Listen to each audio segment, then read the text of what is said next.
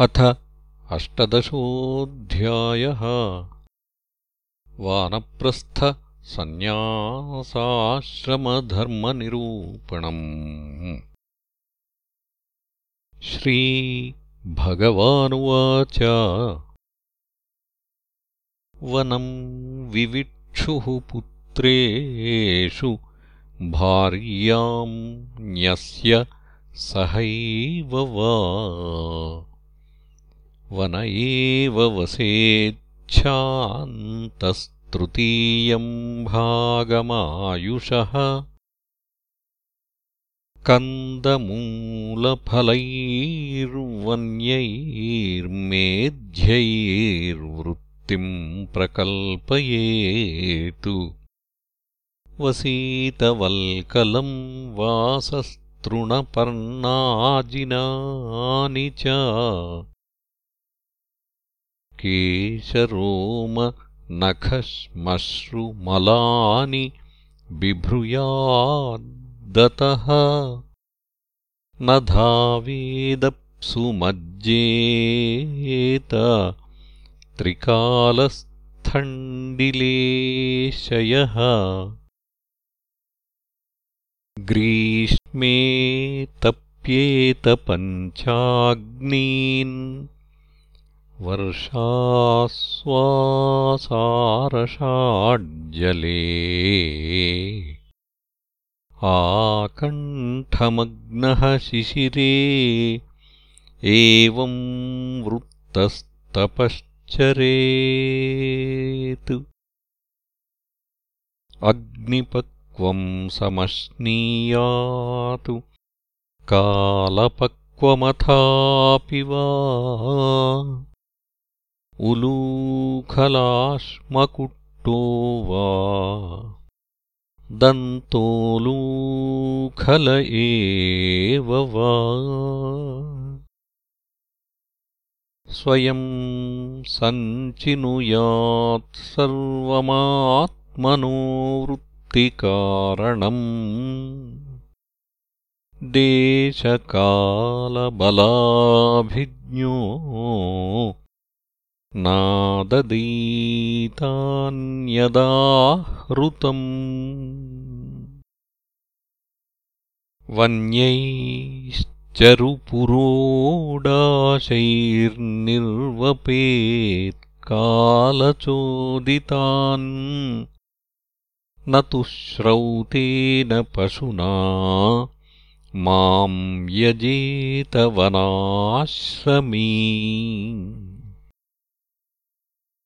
अग्निहोत्रम् च दर्शश्च पूर्णमासश्च पूर्ववत्। चातुर्मास्यानि च मुनीराम्नातानि च नैगमैः। एवम् चीर्णेन तपसा मुनिर्धमनिसन्ततः माम् तपोमयमाराध्य ऋषिलोकादुपैति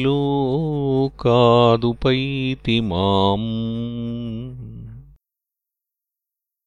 यस्त्वेतत्कृच्छ्रतश्चीर्णम् तपो निःश्रेयसम् महतु कामायाल्पीयसे युञ्ज्याद्बालिशः कोपरस्ततः। यदासौ नियमे कल्पो जरया जातवेपथुः आत्मन्यग्नीन् समारोप्य मच्चित् ोऽग्निम् समाविशेत्। यदा कर्मविपाकेषु लोकेषु निरयात्मसु विरागो जायते सम्यक् न्यस्ताग्निः प्रव्रजेत्ततः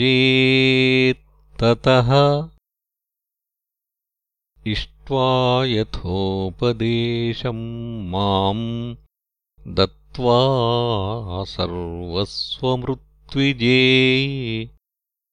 अग्नीन् स्वप्राण आवेश्य निरपेक्षः परिव्रजेत्। विप्रस्य वै सन्न्यसतो देवादारादिरूपिणः विघ्नान् कुर्वन्त्ययम् ह्यस्मानाक्रम्य समियात्परम् बिभ्रूयाच्चेन्मुनिर्वासः कौपीनाच्छादनम् परम् त्यक्तम् न दण्डपात्राभ्यामन्यत्किञ्चिदनापदि। दृष्टिपूतम् न्यसेत्पादम् वस्त्रपूतम् पिबेज्जलम्। सत्यपूताम् वदेद्वाणीम् मनःपूतम् समाचरेत्। मौनानीहानिलायामा दण्डावाग्देहचेतसाम्। न ह्येते यस्य सन्त्यङ्ग वेणुभिर्न भवेद्यतिः भिक्षाम् चतुर्षु वर्णेषु विगर्ह्यान्वर्जयंश्चरेत् सप्तागारानसङ्क्लुप्तान् तुष्येल्लब्धेन यावता। बहिर्जलाशयम् गत्वा तत्रोपस्पृश्यवाग्यतः विभज्यपावितम् शेषम् भुञ्जीताशेषमाहृतम्। एकश्चरेन्महीमेताम् निःसङ्गः संयतेन्द्रियः आत्मक्रीडश्चात्मरत आत्मवान् समदर्शनः। विविक्तक्षेमशरणो मद्भावविमलाशयः। आत्मानम् चिन्तयेदेकमभेदेन मया मुनिः अन्वीक्षेतात्मनो बन्धम् मोक्षम् च ज्ञाननिष्ठया। बन्ध इन्द्रियविक्षेपो मोक्ष एषाम् च संयमः तस्मान्नियम्य षड्वर्गम्। मद्भावेन चरेन्मुनिः विरक्तः क्षुल्लकामेभ्यो लब्ध्वात्मनि सुखम् महत्। पुरग्रामव्रजान् सार्धान् भिक्षार्थम् प्रविशंश्चरेत्। पुण्यदेशसरिच्छैलवनाश्रमवतीम् महीम्। वानप्रस्थाश्रमपदेष्वभीक्ष्णम्। भैक्ष्यमाचरेत् संसिध्यत्यर्थम् नित्याश्वसम्मोहः शुद्धसत्त्वः शिलान्धसा। नैतद्वस्तुतया पश्येद्दृश्यमानम् विनश्यति असक्तचित्तो विरमेदिहामुत्रचिकीर्षितात् यदेतदात्मनि जगन्मनोवाक्प्राणसंहतम्।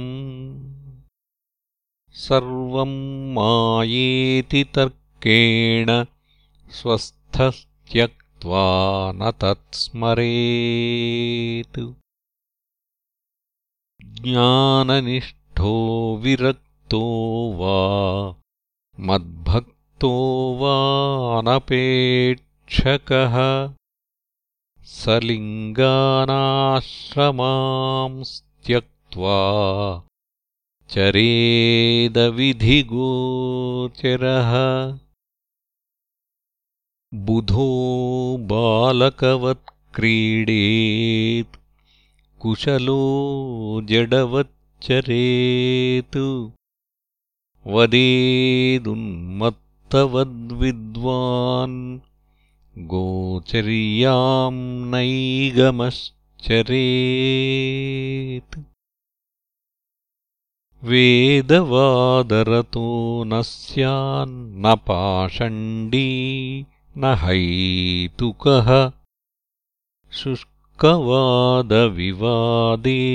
न कञ्चित्पक्षम् समाश्रयेत्। नोद्विजेतजनाद्धीरो जनम् चोद्वेजयेन्न तु। अतिवादांस्तितिक्षेत नावमन्येत कञ्चन देहमुद्दिश्य पशुवद्वैरम् कुर्यान्न केनचित् एक एव परो ह्यात्मा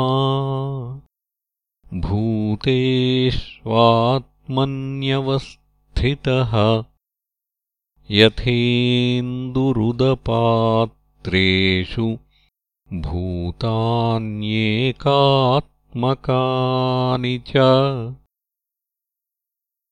अलब्ध्वा न विषीदेत काले कालेशनम् क्वचित् लब्ध्वा न हृषेद्धृतिमानुभयम् दैवयन्त्रितम्। आहारार्थम् समीहेत युक्तम् तत्प्राणधारणम्।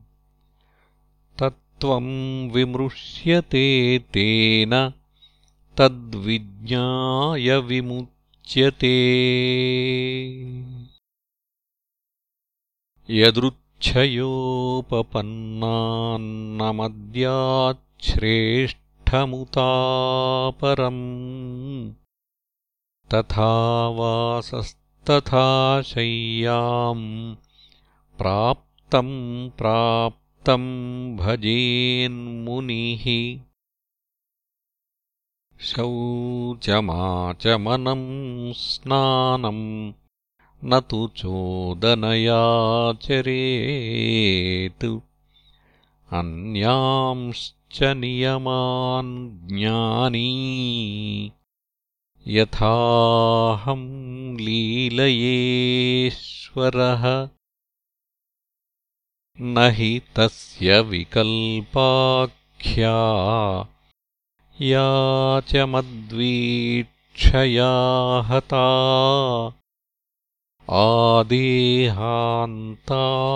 क्वचित्ख्यातिः ततः सम्पद्यते मया। दुःखोदर्केषु कामेषु जातनिर्वेद आत्मवान्। अजिज्ञासितमद्धर्मो गुरुम् मुनिमुपाव्रजेत्। तावत्परिचरेत् भक्तः श्रद्धावाननसूयकः यावद्ब्रह्मविजानीयात्। मामेव गुरुमादृतः। यस्त्वसंयतषड्वर्गः प्रचण्डेन्द्रियसारथिः। ज्ञानवैराग्यरहितः त्रिदण्डमुपजीवति। सुरानात्मानमात्मस्थम् निह्नुते मां च धर्मः। अविपक्वकषायोऽस्मात् अमुष्माच्च विहीयते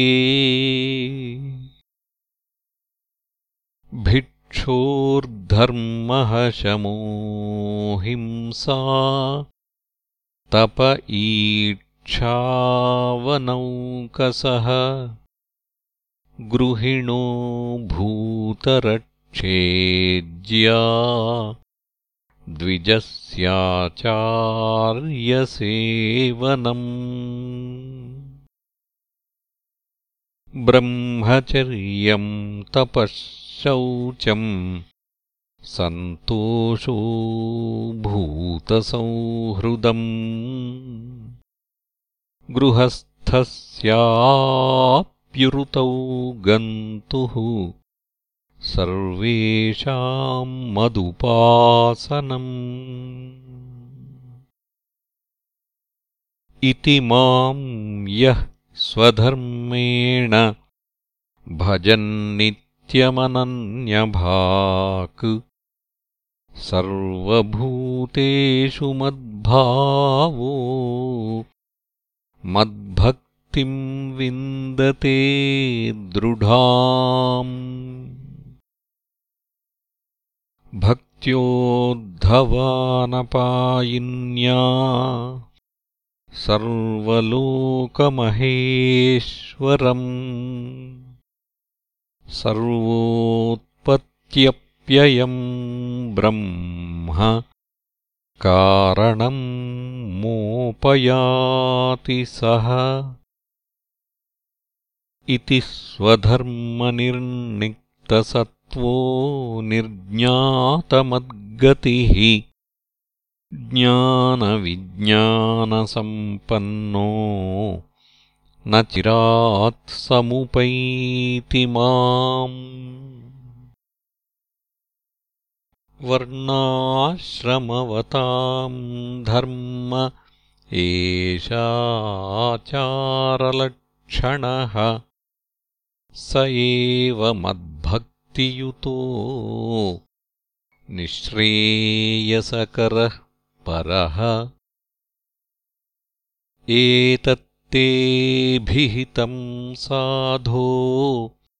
भवान् पृच्छति यच्च माम्। यथा स्वधर्मसंयुक्तो।